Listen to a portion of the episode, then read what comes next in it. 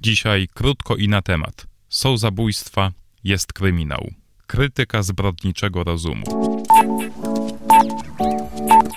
Glosa. Podcast o nowych książkach. www.glosa.info Paweł Adam Piotrowicz, zapraszam. W dobrym kryminale kluczowe jest pytanie, kto zabił, a krytyka zbrodniczego rozumu to bardzo dobry kryminał, więc pytań pojawia się więcej. Książka przesiąknięta jest mroźną i gęstą atmosferą.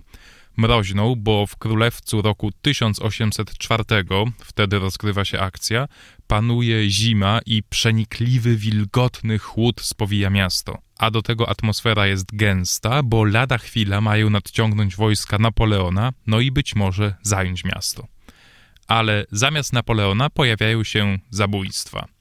Zabójstwa nietypowe.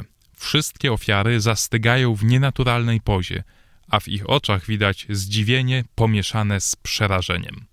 No i najważniejsze, na ich ciałach nie ma żadnych śladów zbrodni.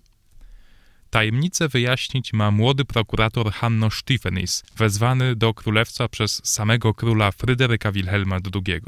Tylko dlaczego do tak trudnego zadania król wyznaczył niedoświadczonego prokuratora? Okazuje się, że polecił go słynny filozof Immanuel Kant, dawny nauczyciel Stephenisa.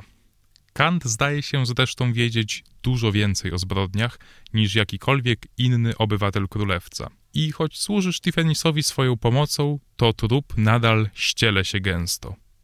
Więcej nic nie powiem. Wspomnę tylko, że pojawienie się w powieści Kanta dodaje kryminałowi nieco filozoficznej głębi, choć na szczęście jest to głębia podana w bardzo zjadliwej formie.